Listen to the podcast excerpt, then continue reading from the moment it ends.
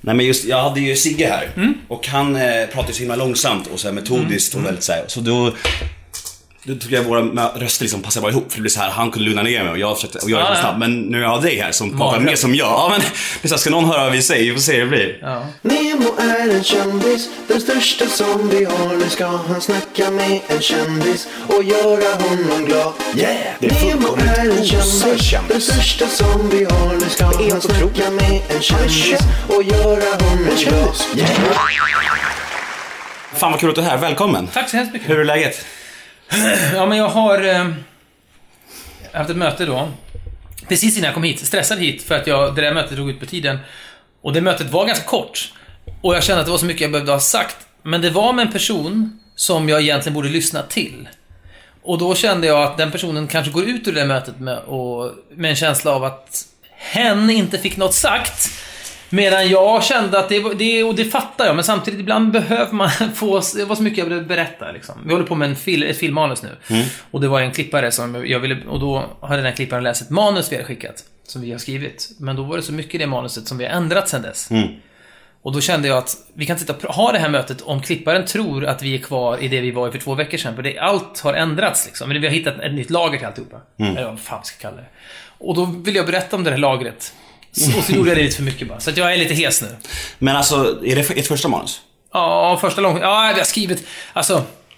Ja, på ett sätt. Men samtidigt, om någon hade sagt det till oss 1996 när vi skrev ett annat manus. Att det här manus kommer ni- ni att sitta om 20 år och säga att det inte räknas. Då hade vi blivit sura ju. För vi la ju ner tid på det. Och det du gjorde då tyckte ni var briljant, antar jag? Ja, eller det vi fattade var nog att det var roligt att skriva det. Det kanske var roligt att läsa det. Men det hade inte blivit någon bra film överhuvudtaget. Det var mer, det, det sprang ur någon slags glädje tror jag av att här har jag hittat någon ny människa att samarbeta med. Vad rolig han är. Vi håller på att bli kompisar. Men vi kan inte ligga med varandra för vi är liksom heterosexuella. Så då skriver vi ett manus istället. Det var nästan som någon slags kärleks... Vi träffades och skrev, hade så roligt. Man ska inte ha så jävla kul när man skriver tror jag. Nej. Det ska nog vara lite mer plågsamt, men det var jättekul att skriva. Jag tror vi blev väldigt goda vänner och lärde känna varandra väldigt väl genom den där kärleksakten som det där manuset var. Vad handlade den filmen om? Den Förra? Första. Ja. Ja, men det, det handlar inte om speciellt mycket. Vi var båda berusade av att ha kommit till Stockholm från landsorten och ville göra någon slags skildring av någon ung man kommer till storstan. Kan det låta mer omodernt idag? Nej. Men, men 1996 var inte det lika omodernt. Jag fattar. Nej, men, och då tänkte vi, kan, det kan inte handla om någon av oss. Och då, då så tar Filip, men jag har en kompis, vi kan basera det på honom. Han heter Micke Svensson. Han är helt otrolig. Så drog han massa vässade skrönor om honom. Ja. Och sen, långt senare fick jag ju träffa den här Micke Svensson. Han var ju en ganska normal, funktionell individ. Så jag förstod ingenting då egentligen. Men då hade vi ändå skrivit tre versioner av ett manus om honom.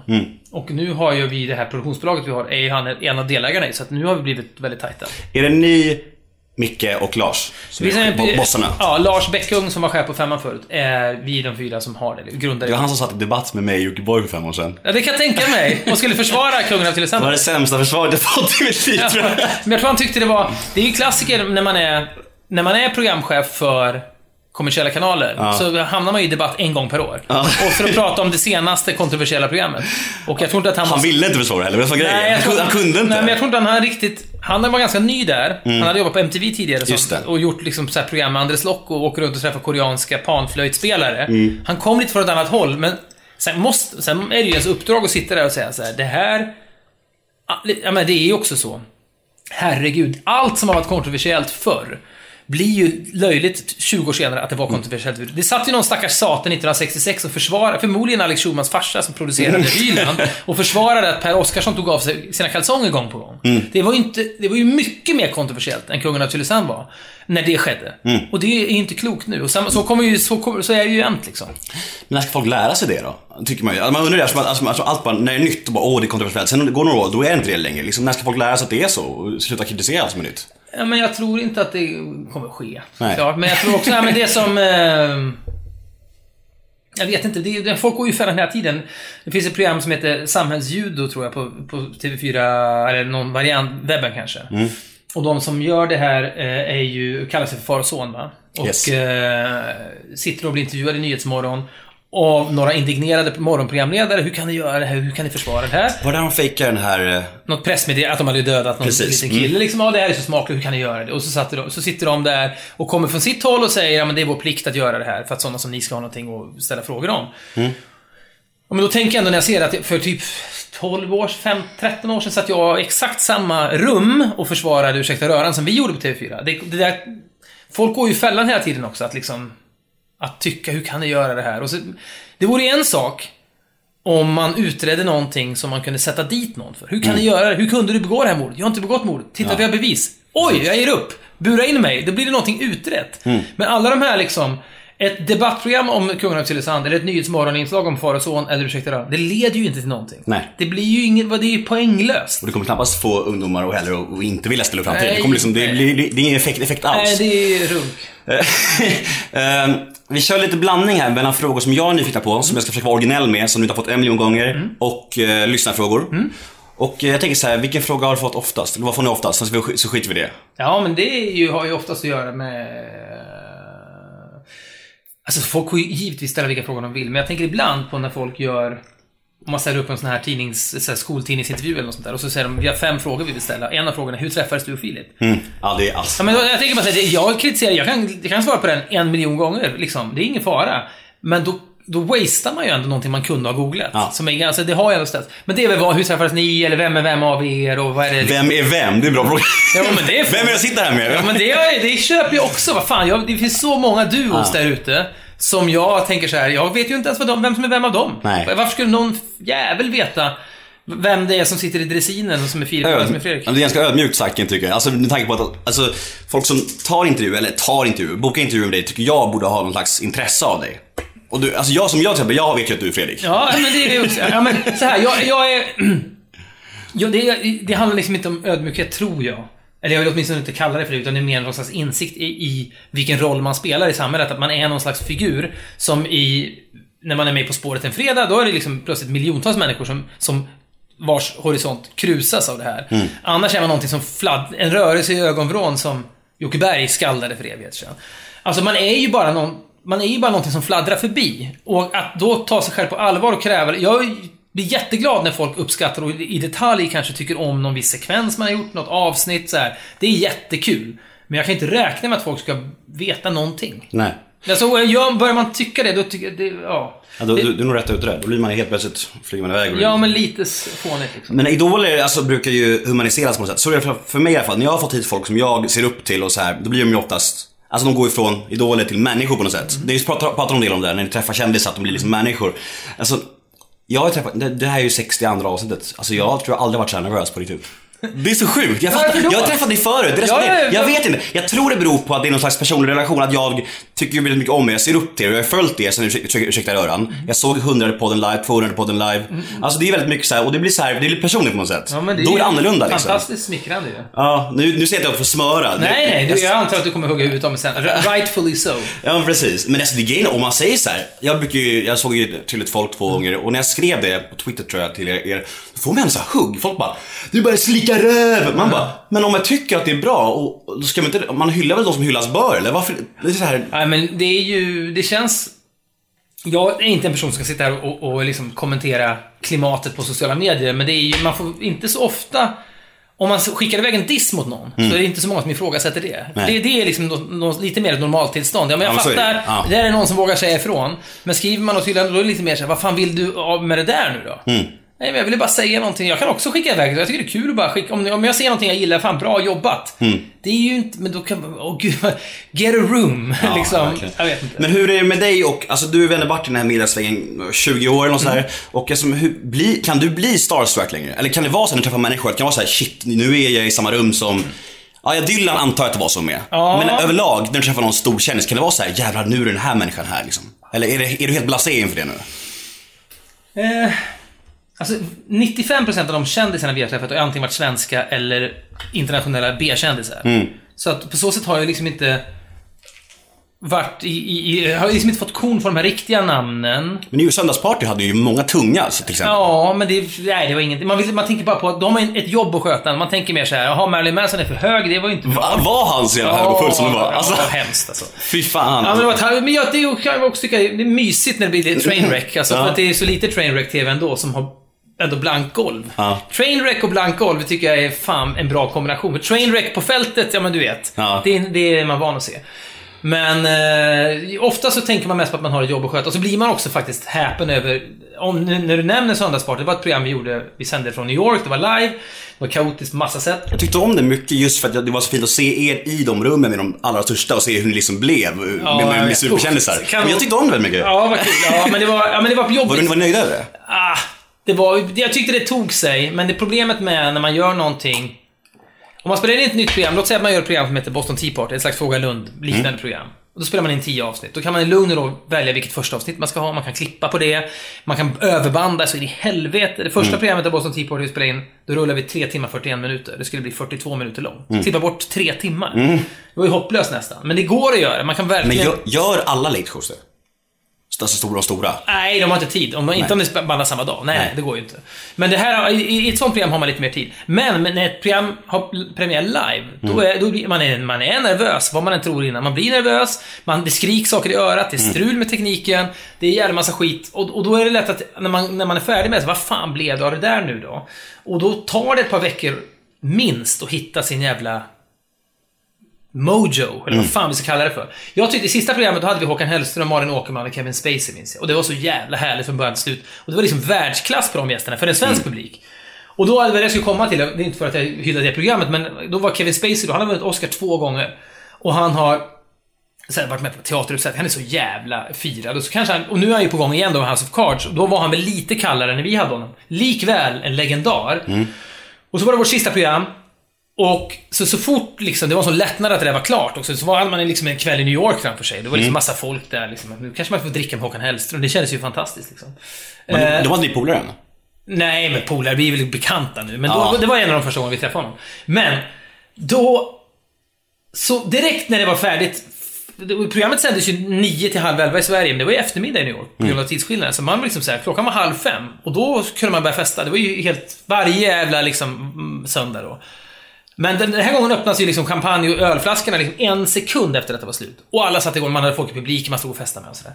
Och sen helt plötsligt, det har gått en halvtimme av festande, så kommer helt plötsligt någon studiovärdinna fram och säger så, ursäkta men eh, Mr Spacey skulle vilja säga hejdå till er. Va? Är han kvar fortfarande? Ja, men han vill inte störa, han förstod att ni hade slutfest, han vill inte komma och störa, men han måste verkligen, han ska gå till en prisutdelning nu. Så vänder mig om, då står han bara i kulissen och väntar på rätt tillfälle att säga hejdå till oss. Fan. Vilket är så jävla... Gåshud, alltså. Ja, men det var så jävla coolt och så var han så jävla trevlig.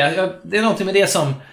Och det är, du, du, jag kanske inte blir starstruck, men då kan man känna så här, fan det där är någon som gör jobbet. det är liksom Mm, verkligen. så här- Proffs. Ja, proffs och någon jävla människa liksom. Mm. Eh, och starstruck, ja, Dylan. Annars så känner jag mest att det bara man har bara ett jävla jobb att sköta. Mm. Det är det. Men alltså jag tänker lite på det här med att eh, ni ligger ofta i framkant tycker jag i svensk TV och det är det ni vill göra också antar jag. Eh, och när ni program efter program, det här är ingen diss tro mig, men ni, ni får ju ganska dåliga alltså, titta, tittarsiffror. Ja. Mm. Ja, ja, det är ingen ni sticker under stol med. Men hur, hur frustrerande är det när ni tycker, alltså det, det ni gör är ju bra, det tycker jag och det tycker ni själva också, och många gör det. Men att liksom, vi säger Ullared får tredubbla, alltså hur, hur, hur ont gör det? Alltså börjar ni tvivla på ert egna, er egna talang eller Nej, men det, är- för alltså, det är verkligen... Vi får ofta frågan, om, om, just i och med att det är ingen hemlighet att vi har dåliga tittarsiffror. Ehm, men för oss spelar det... Alltså vi har haft chansen att gå till andra kanaler flera gånger om det hade varit viktigt för oss. Kul. vi sitter och gaggar i På spåret, då är det liksom mer än tio gånger så många människor som kollar. Det är 20, det är liksom, alltså. Nej men det är och jag fattar att det är mysigt och det är fredagkväll, det är andra förutsättningar. Alla har SVT, På spåret är en institution, det är inte tack vare oss, utan det, är liksom så här. Det, det är liksom, det rullar på. Ehm, och själv försöker man hitta på någonting nytt i bästa fall. Och ibland blir det bra, ibland blir det dåligt, men det är liksom få som kollar. Men jag skiter i det så länge jag får behålla jobbet. Ja, men på riktigt! Ja, jag fattar. det, är otaliga gånger som vi har jämfört det med... Liknelsen är liksom en fisk som man fiskar upp från och så ligger man och sprattlar på relingen. Antingen så faller man i vattnet och får fortsätta simma och leva ett tag till. Eller så faller man ner i båten och så är det någon som sätter en jävla yxa i huvudet på en och så är det över. Så länge vi får behålla våra jobb, då spelar det ingen roll. Så länge jag känner att vi...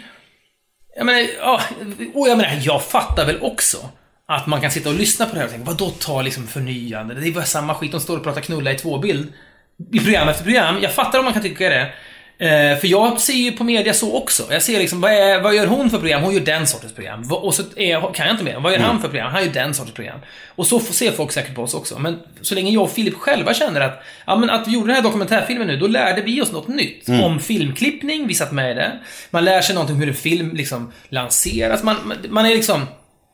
Och nu håller vi på att skriva ett filmmanus. Vi är jättedåliga på att göra film nu. Men vi, håller, vi, blir bättre, vi är bättre för varje dag som går. Mm. När man börjar podda på engelska, då förstår jag folk tycker åh, jävla hybris. Ja, men vi blir ju bättre på det. När man har gjort 200 avsnitt av någonting, du är lång, har långt kvar till det. Men nu, Mm. framåt avsnitt 190 kanske du känner att man når en platå.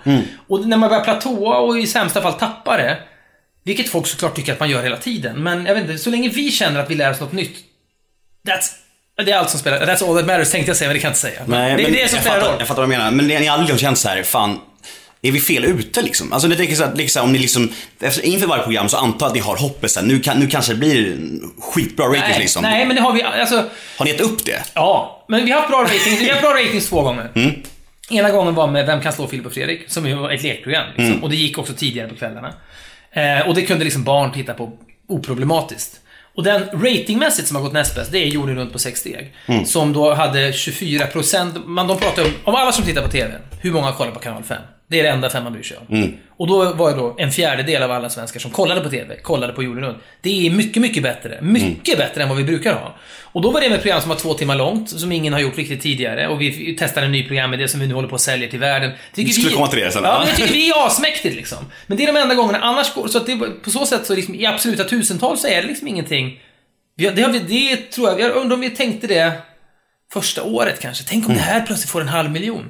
Men det, det går, vi, får, vi kan inte det. Nej. Två frågor om sex steg. Mm. Eh, var det så impulsivt och sp- spontant, alltid som det verkade? Jag menar, liksom Ramsey, hade han ingen aning om att ni kom där i princip? Jo, jo, det hade han. Ja. Nej, men han, han har ju ändå skickat ut oss. Alltså, han, Det visste men visste, ja. han när ni skulle komma? Ah, men ungefär någon gång under den här dagen. Ja. Han är alltså en människa som är så uppbokad som Gordon Ramsay är. Tänkte det. Du kan inte åka till LA och hoppas att du ska få träffa honom. Nej, jag det måste du styra upp. Så att, och sen, han hade inte behövt skådespela på det sättet. Vi Nej. hade ju köpt det ändå. Det är, nästan- är lite fånigt liksom. Han Ja. kan säga, ja nu är ni ju här, vad kul. Ja. Eh, så, så, så har vissa det i sig att de ska bli lite showiga och liksom, ja, sådär. Men det var, på riktigt var det ju så att vi åkte långa sträckor helt på sjön. Från Bolivia till Spanien. Och när vi sitter på planet så vet vi inte om vi kommer att få träffa personen vi ska träffa. Så det gjorde vi verkligen hardcore, super på riktigt. För vi tänkte att om det går dåligt så kan vi göra någonting av det. Sen flög, när vi då misslyckades i Spanien fick vi flyga tillbaka över Atlanten till San Francisco. Det är en otrolig omväg. Ja. Men det blir ju innehåll också. Ja, men så är det ju. Men har ni sålt sex steg nu till USA? Eller försöker vi ni håller på med det. Ja. Vi, vi har sålt till Holland och det låter så här, ja, vem bryr sig om Holland? Men Holland är liksom ett av de största TV-länderna och format fram... För den som bryr sig om TV-branschen så är Holland väldigt stort. Det, är liksom, det finns ett företag som heter Endemol där. Som då tog, har tagit fram massa stora... Mm. Big Brother, va? Big Brother och sådana. Ja. Precis. Och, ehm, så att de gör det jättebra. Och sen håller vi på att försöka sälja det till andra länder. Men skulle det hända i USA så vore det ju... Det svåra är ju såklart, för jag sitter ju i Skype-samtal med människor i USA som ska göra det, vilket jag tycker är ju jätteroligt. Mm. Att jag får sitta och prata och så sitter någon människa i USA och säger “Sorry, I'm writing this down”. Prata, vänta lite. Och så, då skriver du ner vad jag säger. Det är otroligt. Mm. Ja, det är Jag tycker det är jättefett. Men det svåra med att få dem att förstå är att ni måste göra det improviserat. För de vill ju förbereda allting. Men hur går det när man, alltså när man säljer in ett program till USA, en, egen- en egen idé? Är det så här, de säger så ja men då har vi det, så, då, då tar vi det där, så betalar de en, typ en klumpsumma till er, eller funkar det? Ärligt talat, de betalar nog lite. Men det är en struntsumma det de betalar först. Det, det kallas nog en option. Det Sen när är, det går får ni mer pengar, är det ja, oh ja, det görs en pilot och om den då blir bra, och det, då kan man få betalt per avsnitt som sen. Det är då det börjar bli pengar. Ja, men herregud, det är så jävla vanligt att, att människor sitter och skryter. Vi, vi kommer att sändas i USA. Eh, och så är det någon option de har sålt för 20 000 i Cannes. Det kostar ju ingenting för en amerikansk kanal. De köper ju tusentals optioner. Vem fan var det som går på Robinson? Alltså, Det var väl en svensk? Var inte en svensk? Ja, men det där är lite så här, Jag vet att Anna Bråkenhielm gjorde, gjorde det liksom i Sverige. Ja. Men det finns en... Och det, det kallas ett svenskt format, men jag tror att det finns någon story om att det var någon britt med i början där. Ja. Men det var ju Strix och TVT som... ju- som eh, eller SVT var det ju. Som gjorde det stort i Sverige och de tjänade jättemycket pengar på alla de här eh, andra länderna som gjorde det. Mm. Okej, podden kontra, svenska kontra engelska. Vad, alltså, är det, mycket, är det, är det roligare på engelska tycker du? Ja, mycket roligt. Alltså nu, alltså det var ju svinkul i början i och med att podd var ganska nytt då. Ja. Att sitta där och bara liksom gagga med varandra och så kommer någon att vilja lyssna på det här och sen ja vad fan, folk tycker att det har någonting. Ehm, men sen kände vi också att man hamnar väldigt lätt i, om det har hänt någonting med Torsten Flink, ja då hamnar man i det. Så ska man prata om Så mycket bättre, så ska man prata om liksom så här, Stjärnorna på slottet. Ja, men det var någonting med det. Plus att vi också behövde liksom vi behövde antingen lägger vi ner nu, vi har gjort 200 avsnitt, vi känner att vi är klara med det här. Och vi betraktar det som att den, produkten är död. Kan vi göra något annat då? Ja, men det är kul att testa det här. och se om man, om man kan nå någon annan som inte har en aning om vilka vi är. Och när vi får mail, vi, vi hade en fråga i, i veckan när vi poddade om Filip, det kom fram att han, han tolkar sig i baken, det är lite brutalt, men det är ändå, det är, jag tycker det är okej att prata om för alla gör det varje dag. Ah, ja. Och så tittar han inte på pappret utan han bara utgår från att han är ren. Och så sa det är inte klokt. Och så börjar vi prata om det och, så, och då har vi fått hundratals mejl. Och liksom åtminstone 25. Hela världen, ja, ja, ja, men framför, många är från svenskar. Men det är ju väldigt många som då kommer från människor liksom i, i, liksom på Kuba, det är någon som skriver från Spanien, någon, och de har ingen aning om vilka vår, våra TV-personer är. Och då kan man säga, vem fan bryr sig? Det är liksom runk, men liksom, ja men det betyder något. Det, då når man ju någon man inte nått tidigare liksom. Men är det någon skillnad tänker ni? Alltså förutom att ni ska prata på engelska och förutom att ni börjar rikta innehållet mot en internationell publik. Mm. Är det någon skillnad på det tycker du? Ja, men jag tycker att det finns en... Det som var kul i början på svenska var att, man, att det är kul att formulera sig. Att man försöker hitta... Och sen när man då börjar på engelska, eh, sen tappar man den glädjen lite. Då blir det lite mer någonting annat. Lite mer bruks liksom. Eh, och när man börjar på engelska, då är man dålig på att formulera sig. Nu tycker jag att vi har blivit så vana vid att göra det. Att nu pratar jag bara. Att nu är det bara att köra. Sen fattar jag att jag är, för, jag är förvånad varje gång en svensk person mejlar och säger att de, att de lyssnar på podden fortfarande. För vi trodde ingen kommer fortsätta lyssna. Nej. Ja, men det är, att, att, vi stö- att vi har fler svenska lyssnare än många svenska poddar är för mig obegripligt. Därför att jag vet själv hur jag ska reagera. Ja. Men jag, är bara tack, jag tycker bara det är kul. Jag förstår, däremot förstår jag varenda jävel som säger att det, jag tyckte det var mer personligt på svenska. Ja, för att det, om man är van att höra någonting på ett visst sätt och så blir det på ett annat sätt. Det, det blir någonting annat liksom. Hur mycket rasar ni tittar, eller lyssnar när ni byter till engelska? I början rasade vi ganska mycket, tror jag. Men nu tror jag att vi har fler lyssnare än vad vi Har ni hade. fler lyssnare nu än vad ni hade som mest på svenska? Ja. Fett! Men det Då tror måste också- alltså mission complete. Ja, men sen är det fortfarande väldigt många svenskar. Ja, jag fattar. Så att det, jag menar, det är så, för att man, om man verkligen skulle kasta liksom belackarna i ansiktet skulle man säga så här. Vi har fler internationella lyssnare nu än vad vi hade. Det har vi ju inte, för det är många, Mm. obegripligt nog då, glädjande nog, som fortsätter lyssna som är svenskar. Eh, och flera tycker ju också att det blir... Vissa tycker att det blir en intressantare upplevelse i hur vi försöker presentera oss själv för andra än vanliga publiken i Sverige. Mm. Att man, ja, det blir något extra, något extra lager kanske, jag vet inte. Jag fattar. Men alltså... Men det är också det, det, det är en viktig detalj för det här. För oss är att vi gör den också i viss mån för att det är jättebra för oss, hur jävla hybrisdrabbat den kan låta, att vara bra. Vi har blivit bättre på att prata engelska för att vi gör det varje vecka. Och när vi då åker runt i USA, när jag är där och hälsar på Filip och så ska vi försöka sälja programidéer och sånt där. Då är vi jättebra i de mötena. För att vi är så avslappnade nu. För två år sedan hade vi varit mycket sämre i de mötena. Och Ja, det är kul att gå in och, liksom, och kunna prata helt avslappnat. Men återigen, jag förstår. Så många som lyssnar på det här säkert, vilka jävla douchebags som tycker att de är coola och går in på amerikanska möten. Ja, men så är det. Prova det. Det är Du ska, all, du ska alltid safeas där. Jag förstår er också. Nej, men jag förstår det. Ja, jag jag, känner, jag känner, jag är så jag är lika liksom, illvillig som alla andra är. Men, prova själv. Gå in i ett möte och var bra på engelska. Det är jävla mäktigt alltså. Jag kommer ihåg när ni bytte till engelska och jag, jag hörde på två avsnitt då och jag ska erkänna, jag slutade lyssna. För det var, jag tyckte det var mycket, mycket sämre. Men sen så gav jag det, efter, efter kanske två, tre månader så började jag lyssna igen och då, då var det mycket, mycket bättre och då började jag lyssna igen. Ja, men jag, och det- är, jag tycker det är otroligt när man får mejl från folk som säger nu har jag gett dig chansen igen. Varför gjorde du det? Det är otroligt att du gjorde det. Men det är för att vi tycker om er. Ja, jag ja, men jag, jag, här, jag är inte defensiv. Ibland när man sitter i sådana här sammanhang så blir man lätt att man ber om ursäkt för saker och ting och man, man brasklappar en massa. Jag, jag är medveten om att jag och Filip är skitbra på vissa grejer. Ja, men det är vi. Mm. Det finns vissa saker som vi jag tycker vi är bäst i Sverige på. Vad? Ja, men den, den, en viss typ av fältet TV tycker jag vi är bäst på. Ingen, inte många skulle kunna gjort jorden runt på 60 på, under de förutsättningarna. Vissa, att det är helt improviserat och att helt liksom få den där historien att flyga i två timmar. Eh, så kan man tycka att det är ett skitprogram också. Men jag tycker... Där kom det igen. Ja, du, du, du ja, måste rädda det så här. Ja, jag vet. Men, men liksom, jag vet att vi är bättre på det än alla andra. Mm. Just nu så kommer det komma andra som är skickligare. Men det är vi fan bra på. Let's just, yeah, let's just leave it there. Ja. Ni är bra på det.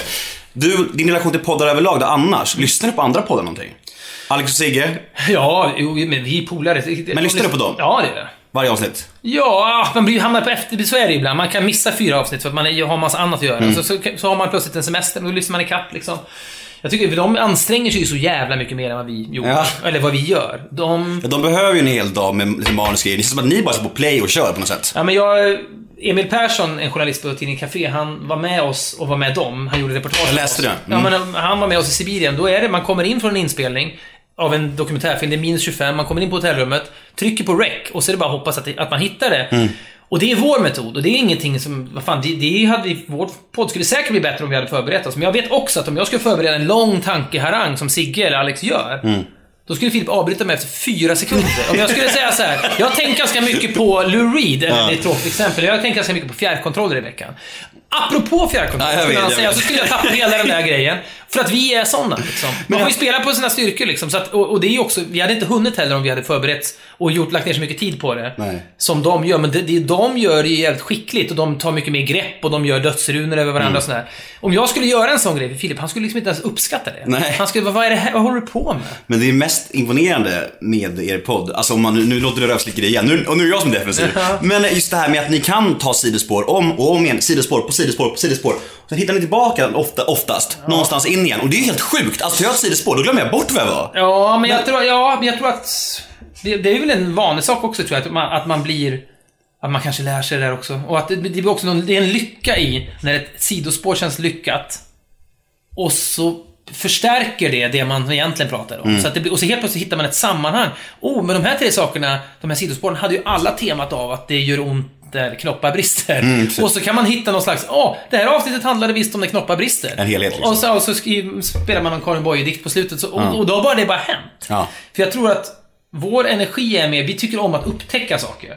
Om vi åker runt och filmar på fältet och så, fan vad sjukt, den här grejen har jag aldrig sett förut. Och då upptäcker tittarna det samtidigt som oss. Och då ser man i våra ögon i bästa fall, jag kan se Philips ögon, fan det här är ju spännande. Ha, det är därför vi är sämre ibland på att förbereda saker. Där man då ska liksom, måste nästan tvinga fram en entusiasm. Det här är ju helt otroligt. Ja men det visste ni ju. Ni hade ju fan ringt in den här gästen. Det, ni hade ju sett det på YouTube innan. Det, det, och då på samma sak när man, när man gör en podd exempelvis, att liksom, jag vet ju inte att Filip ska säga det här. Och då blir jag ju, tycker att det är spännande när han plötsligt pratar om att vi åkte på en konferensresa till Berlin och så trodde han in i det längsta att det egentligen var ett surprise party för honom. Det är ju kul att han säger det. Jag hade, jag hade Vad ingen sorgligt aning. ju. Det är jättesorgligt. Ja. Men också kul ju. att, han pallar, kul. att han pallar att berätta det liksom. Ja, det är bjussigt faktiskt, för det är ganska mörkt. Men just det, du ber- du berättade lite om ert, ert förra manus som du gjorde för 20 år sedan, som ni inte vet någonting av. Ert manus som du gjorde nu, kan du berätta någonting om det alls? Jag får så här kontrakt att jag inte kan det. Det enda är att liksom, det är based on a true story. För att... Handlar om en Berlinresa som inte blev av. Exakt. Nej, men det är någonting, det är, vi, vi, är, vi är lite suckers, lite för mycket tror jag, för verkligheten. Att om det är någonting som har hänt, vi har liksom... Vi har skrivit några böcker och så att ofta är det saker som har hänt. Sveriges 100 roligaste ögonblick. Då tyckte det är kul att researcha. Björn Skifs sjöng fel i Melodifestivalen när han skulle vara med i Eurovision. Varför? Så ringer man upp Björn Skifs. Jag hade tänkt kuppa och sjunga den på engelska. Så jag kom av mig, så bara sjöng jag Galle Mattias istället. Ja, då tycker vi att det är lite spännande liksom. Så att det vi har hittat en historia som vi tycker är värd att berätta. ehm, som har hänt på riktigt. Och det är mer än så, det är, mer, det är så lång tid kvar. Vi vet inte ens om det blir av, man ska få in massa pengar. Vi får se, vi är rätt ödmjuka i det där, men det känns, det är jävligt roligt att skriva. Har, har ni, använder ni Ruben Östlund som bollplank? Ja, men vi hade faktiskt en middag med honom. Det såg vi, du som ja, följer... Ja. Nej, men det var väldigt, det var väldigt... ehm, det blev en ganska blöt kväll, för att jag, jag och Filip konstaterade efteråt att när vi träffar nya människor, det är inte, vi pratade om Star, Starstruck tidigare. Jag har inte ens sett alla hans filmer, det är inte så att jag är ett superfan. De filmerna jag har sett har varit jättebra. Men man, när man träffar nya personer som man känner har något och som... Då försöker man visa att man har något själv. Och då ansträng, överstränga, man kan bli lite överspänd och så dricker man lite mer än vad man borde göra. Precis. Man vill imponera. Ja, man vill faktiskt visa att man har en, man har en plats vid bordet. Och det kan bli jävligt oklädsamt. För vi, dagen efter så skämdes vi lite grann bara. Vad fan, tog vi för mycket? Var vi för babbliga liksom? Men jag tror ni var närmare kompisar än så, du och, ni och Ruben. Nej, första gången jag träffade honom. Är det sant? Ja, ja. Okej. Eh, ja, men jag märkte när jag hade, jag hade Filip Berg här, som är huvudroll i Odödliga. Ja. Som du gillar också mycket. Ja, jag såg, jag såg om Lasermannen häromkvällen. Då Han har en roll i den också, blev jag överraskad av. Tycker han är skitduktig. Och, det, och jag var också när han kom, då ville jag också vara, jag märkte, jag märkte på mig själv jag var så här skön och så här Mm. påläst som han filmade. Och han bara, och han, han tyckte säkert att jag var bara skön. Men man blir, man blir, när man blir något annat där, jag tycker inte om det alltså. Ja, det är hemskt. Men framförallt är det ju efteråt. När man känner, vänta, vad sa jag? Var jag mig själv där? Jag vet inte. Var han härlig, Filip Berger? Superhärlig. Ja, jag måste lyssna på det. Jag tycker han verkar jävla bra alltså. Skitduktig också. Han är riktigt begåvad. Hoppas det går... Hoppas det går... Han når över Atlanten. Det är hans mål, så att vi hoppas det. Ehm, är du någonsin orolig för Philips pillertrillande? Eh... Alltså... För det tror jag väldigt, många är väldigt nyfikna på. Ja. Jag förstår om det är känsligt. Ja, nej, nej, nej, nej, för fan. Han pratar ju så mycket om det också. Ja. Nej, men jag bara tänker egentligen vad jag tänker om det där. För att jag är så... Jag är så, eh, liksom så lutheransk på något sätt att... Lutheransk? Luttrad? Eller, luthersk kanske, eller mer att det där löser Om jag motionerar så behöver jag inte sånt där. Mm. Det, det, om jag motionerar regelbundet så mår jag så bra, då, kommer, då skulle jag aldrig behöva det där. Sen så provade jag ett av hans jävla piller på någon Såg det flygresa. på din Instagram. Ja, men Så- det var ju- var det inte Sobril? var så här? Jo, men det var ju light. Sen tog jag Klonopin en gång. Det var ju helt... nej, men jag, så här, det var ju tio timmars flygångest som gick, bara försvann. Ja. Och det är inte... Det, är ju, det blir jag fan nästan lite rädd av. Mm. Jag tänker så här, om det där vore tillgängligt jämt. Då kanske jag skulle ta det när jag var bakis. Fan, Mm. nu mår jag dåligt idag. Och så måste jag vara i Vasapark med mina barn en hel dag. Mm. Vad blir bättre? Om man tar ett piller blir det mycket lättare. Och då kanske jag skulle... Du vet, jag har, lite, jag har lite rädsla för det där. Mm. Han har ju inte det på samma sätt. Han är liksom lite mer, nu är det här bra och sådär. Men det enda som skulle vara jobbigt är om det är ett, om, för han är ju ganska transparent med vad han tar och hur mycket han gör. Mm. Om det skulle finnas en, en, ett lager under där, att nej, nej, han tar fem gånger så mycket. Mm. Och ni har ingen aning. Då skulle jag vara orolig. Men om du skulle upptäcka att han tar mycket mer än vad han gör, skulle du ta ett snack med honom då? Eller skulle, skulle det funka? Ja, liksom? men det skulle jag nog göra. Samtidigt är vi nog ganska, vi är rätt, generellt sett rätt dåliga på att ta snack. Mm. Ehm, vi är liksom, vi bråkar liksom aldrig, utan vi tystar bara ner sånt vi tycker olika om. Vi bråkade lite grann under vår resa till Berlin, för då var då var det så sent, då hade vi druckit länge och så var klockan kanske två och så skulle Filip åka till en bar som han hade fått för sig att David Bowie hängde i. och Bowie hade precis dött då. Mm.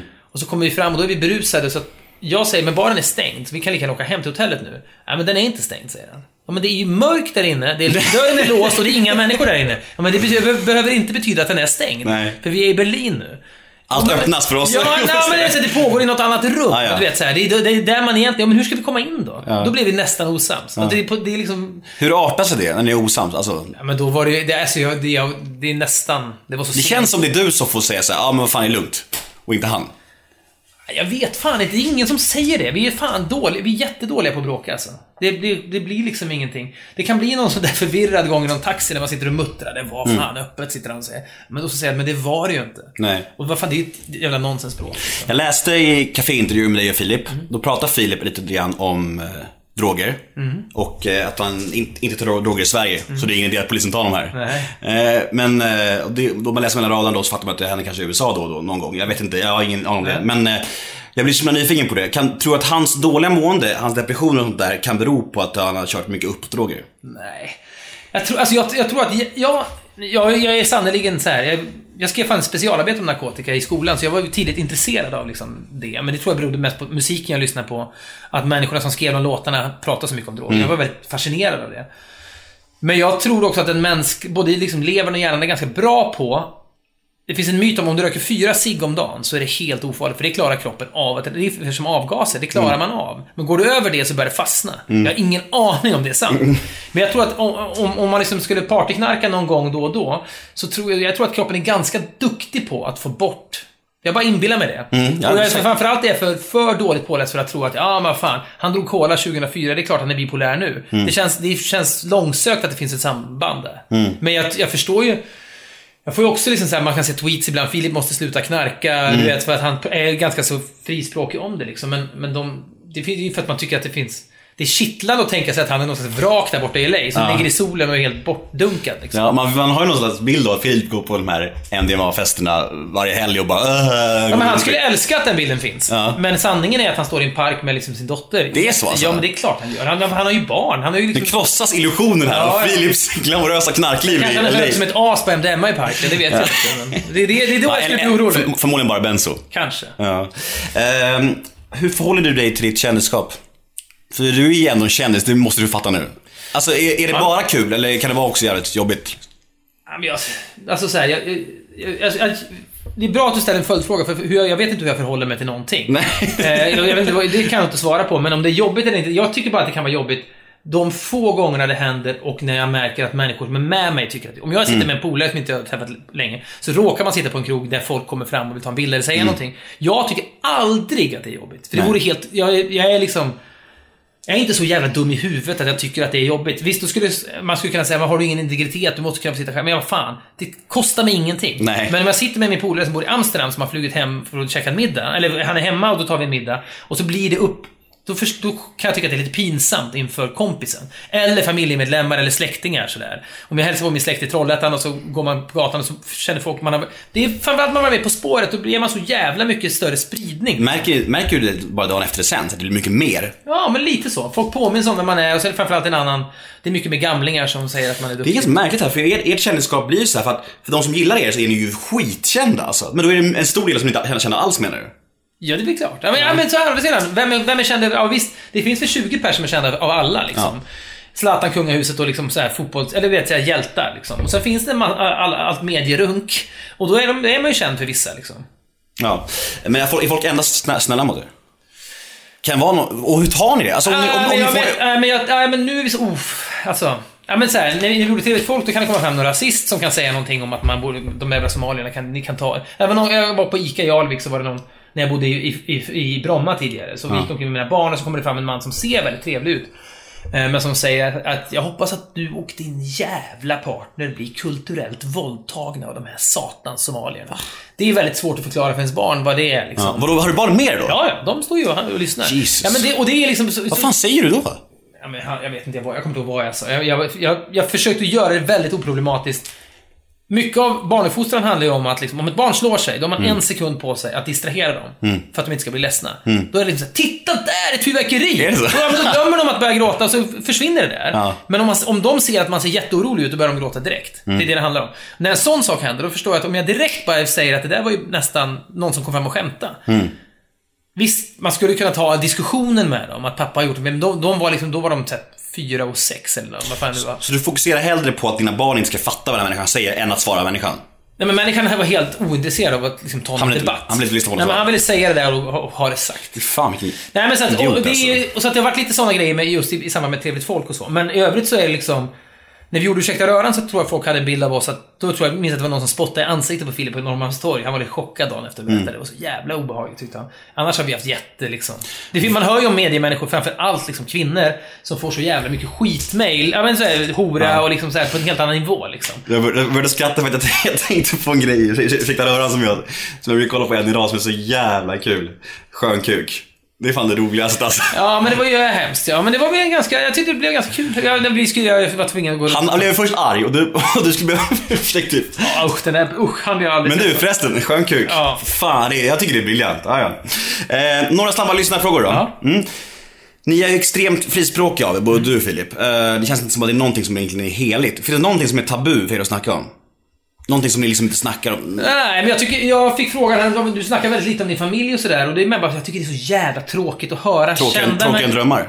Ja, det är fan tråkigare än drömmar nästan. Ja, men någon säger så här.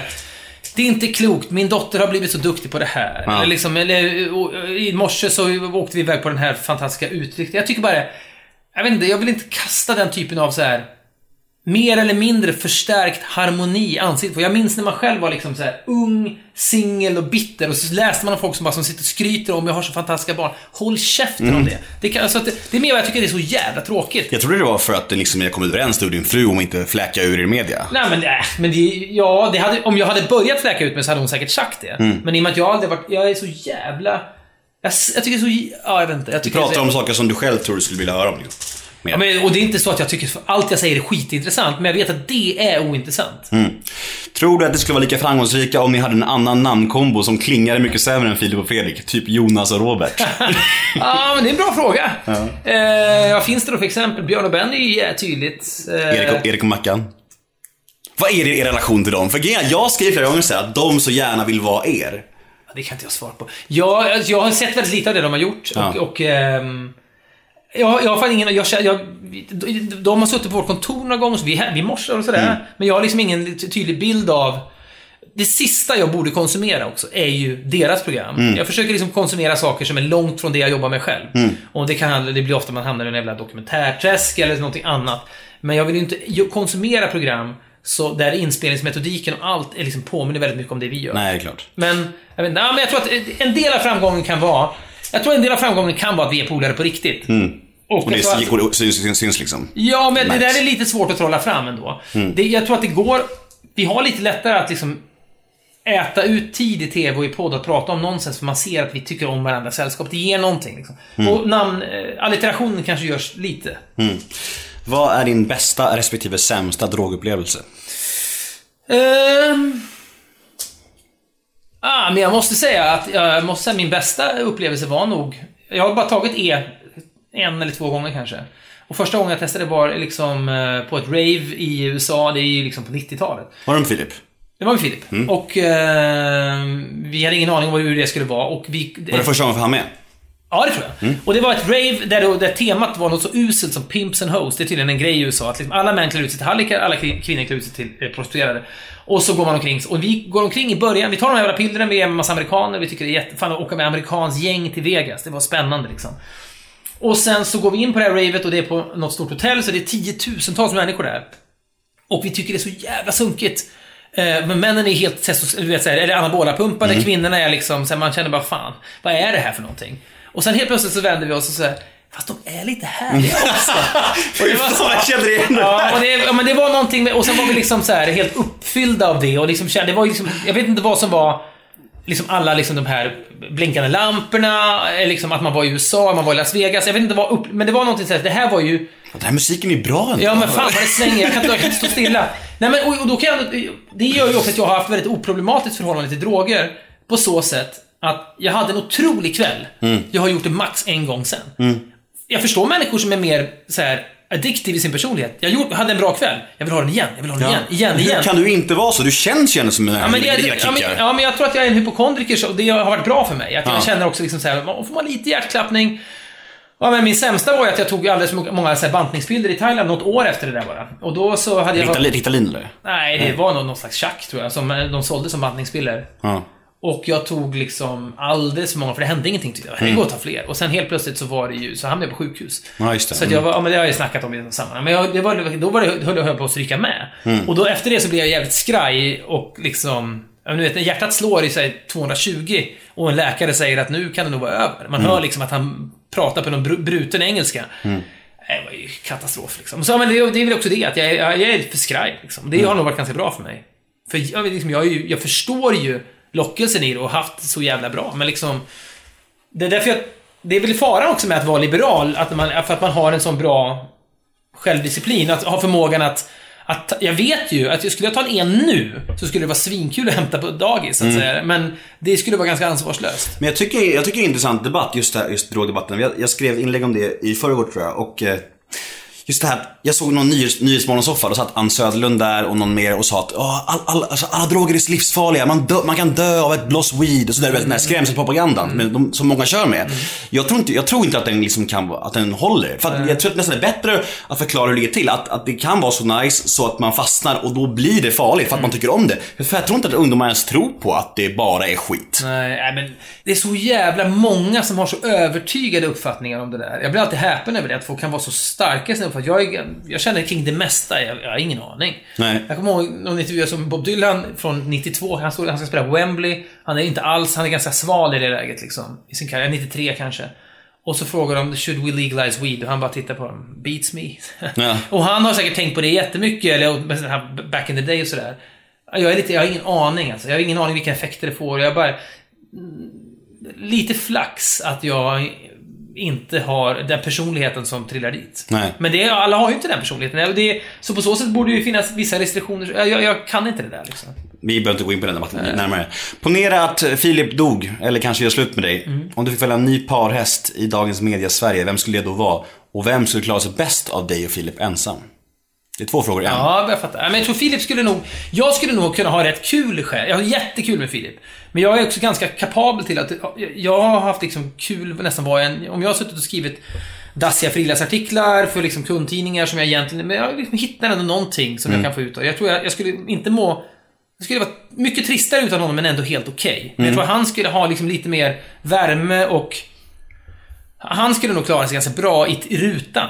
Jag, skulle, jag skulle nog bli lite mer av en sån här producentfigur kanske i TV. Så här. Och han skulle nog dansa runt liksom och klara sig bättre än jag. Det tror jag verkligen.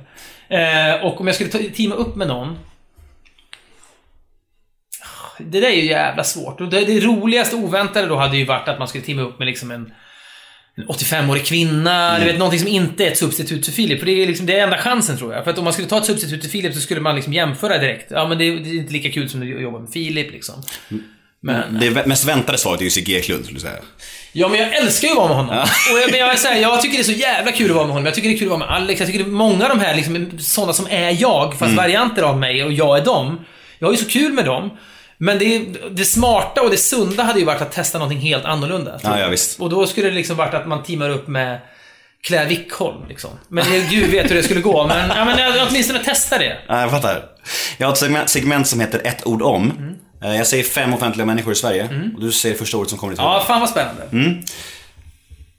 Ja, det, börjar, det är samma på alla som gäster, så det är inget speciellt. Nej, nej, nej, jag fattar. Alex Schulman. Eh, whisky. Marcus Birro. Kristen.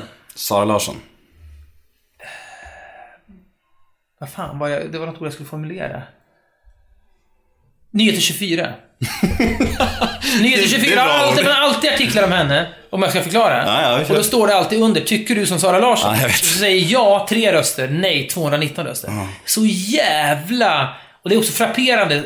Så många människor, hon är så jävla kontroversiell alltså. Mm. Det är så många människor man kommer i kontakt med ute och filmar i landet, så börjar de prata om Stockholm, då börjar de prata om Sara Larsson och tycker att... Ja, det, hon är så jävla... Det, det, Undrar varför hon berör så mycket. Just, Ja. just hon också. Det är, inte, det är inte den första tjejen som är ung som sjunger bra. Nej, men hon är Det måste vara... Har de tes?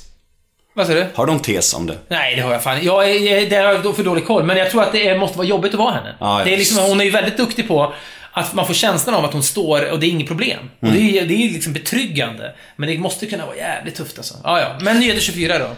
Jimmy Åkesson. Briller. Leif GW Persson.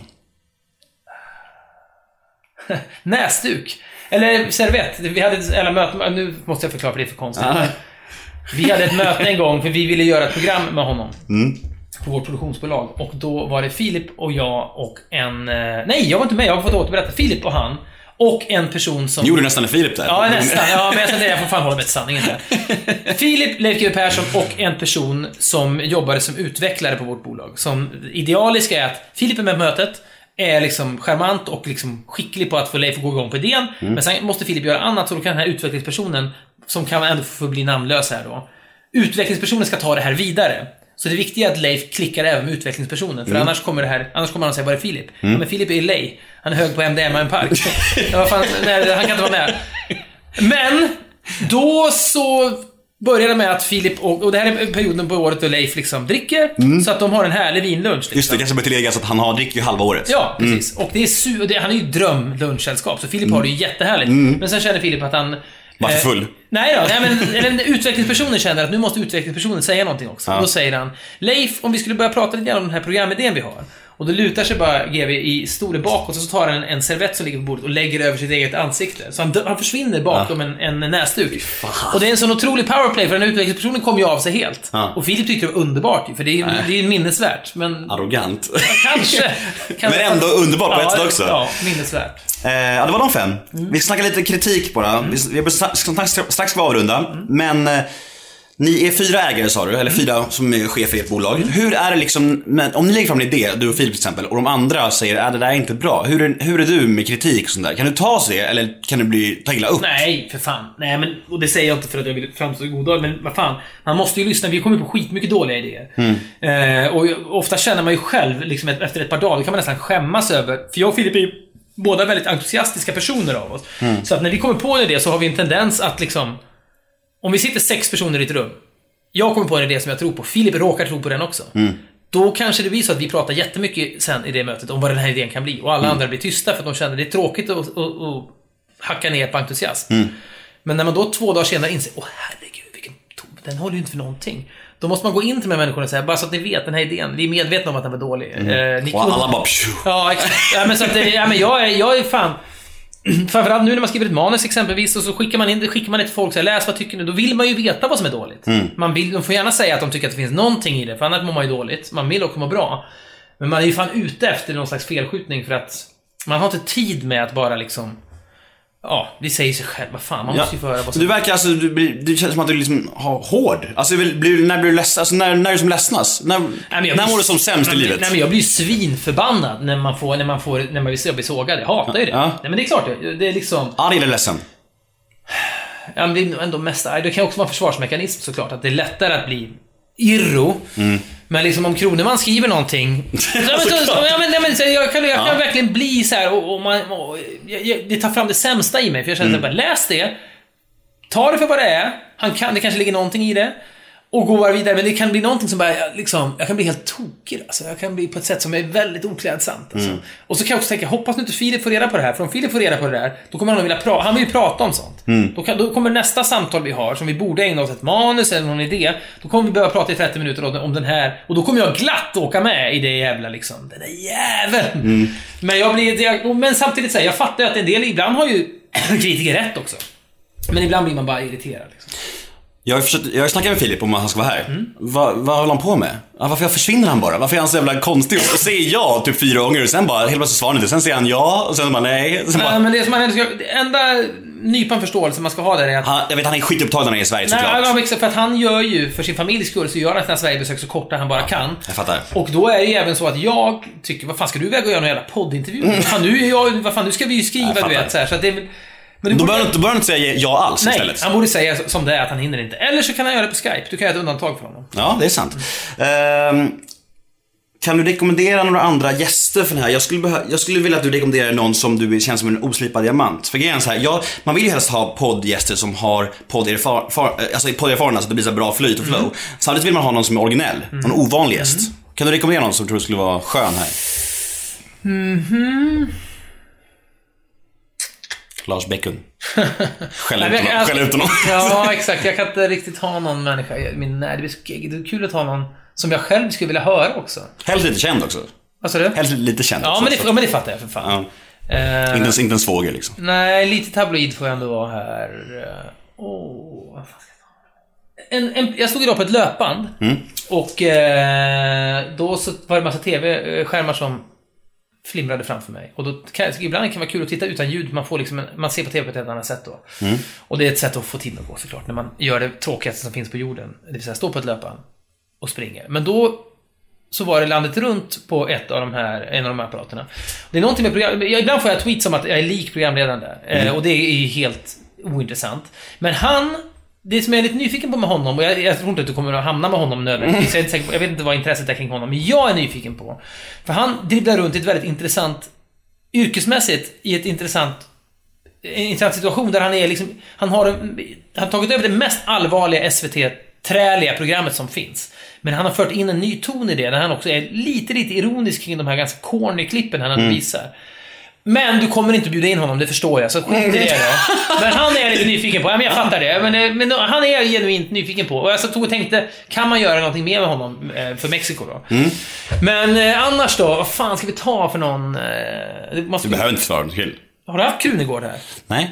Han är ju underbar. Han är väldigt rolig också. Geniet Sö- Söderholm. Han är för skev. Nej! Fan, men, nej, men ta honom då. Fredrik Söderholm. Fredrik- han- han, han skällde ju ut en status. Jag skrev, han, vi är vänner på Facebook av någon anledning, jag vet inte. Men han skrev, jag skrev en, en var vi inne på den här knarkdebatten, om att man kanske måste belysa att det finns något bra i det också för att annars, jag tror, lalla.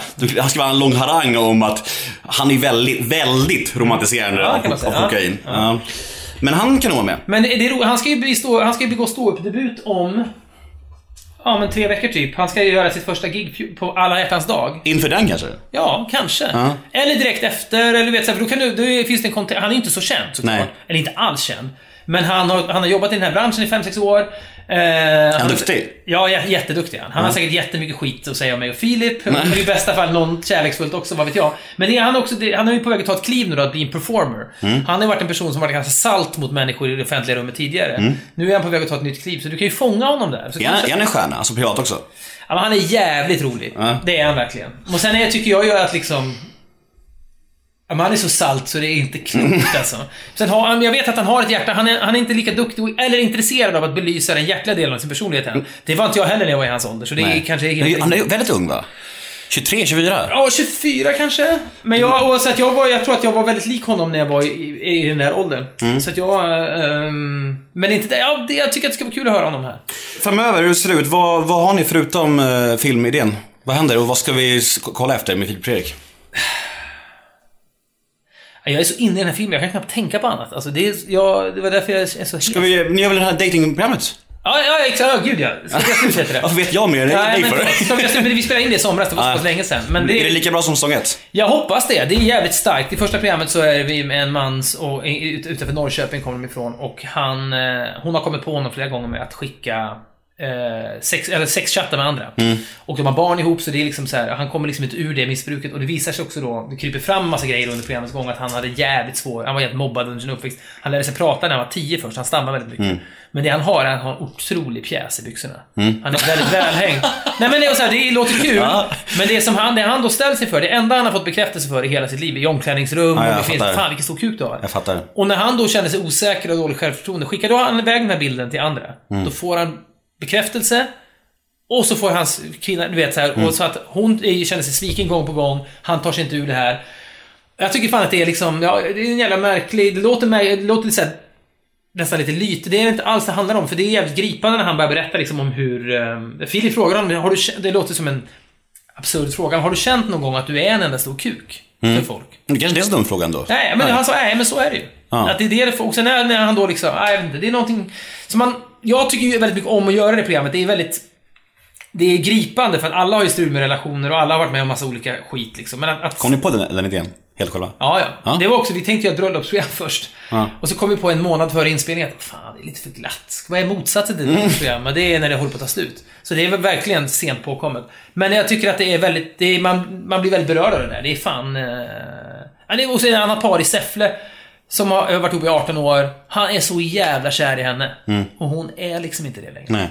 Och han... Då kan man inte göra någonting. Gå, I relation, går det att Nej, men vi, hjälpa? vi, ja, men vi tycker vi är mer fan där och berättar om en, en relation än att vi försöker vara någon slags fixare. För vi ja. är lite ödmjuka inför det där. Jag tycker att det är mer berättandet det handlar om. Mm. Och vi, vi säger liksom, han har aldrig lyckats uttrycka vad han känner för henne, så han skriver då ett brev till henne. Vad, vad, hon, har- vad hon har betytt liksom. Mm. Och när han läser upp det för henne, på stället de träffades första gången, ungdomsgården, de träffades när de var unga liksom. Och nu håller allt på att rasa. Det är, jag tycker att det är liksom, visst det är en konstruerad tv-situation, men för de två där och då, det han säger till henne är så jävla starkt. Jag tycker det är...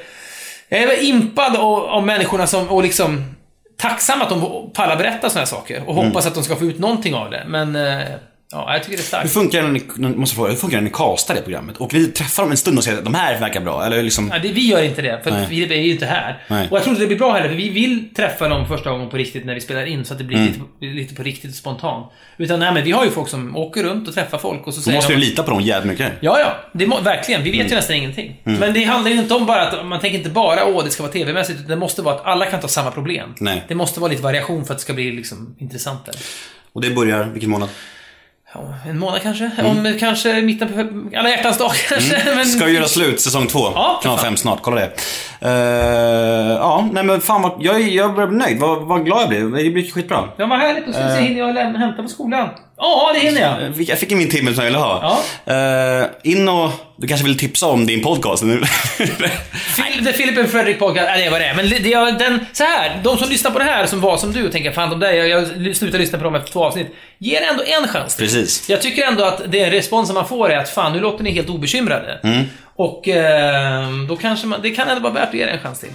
Grymt. Jag heter Nemo Hedén, hashtaggen är NEMOMÖTER och eh, tack Fredrik Wikingsson för att du kom hit. Tack så mycket.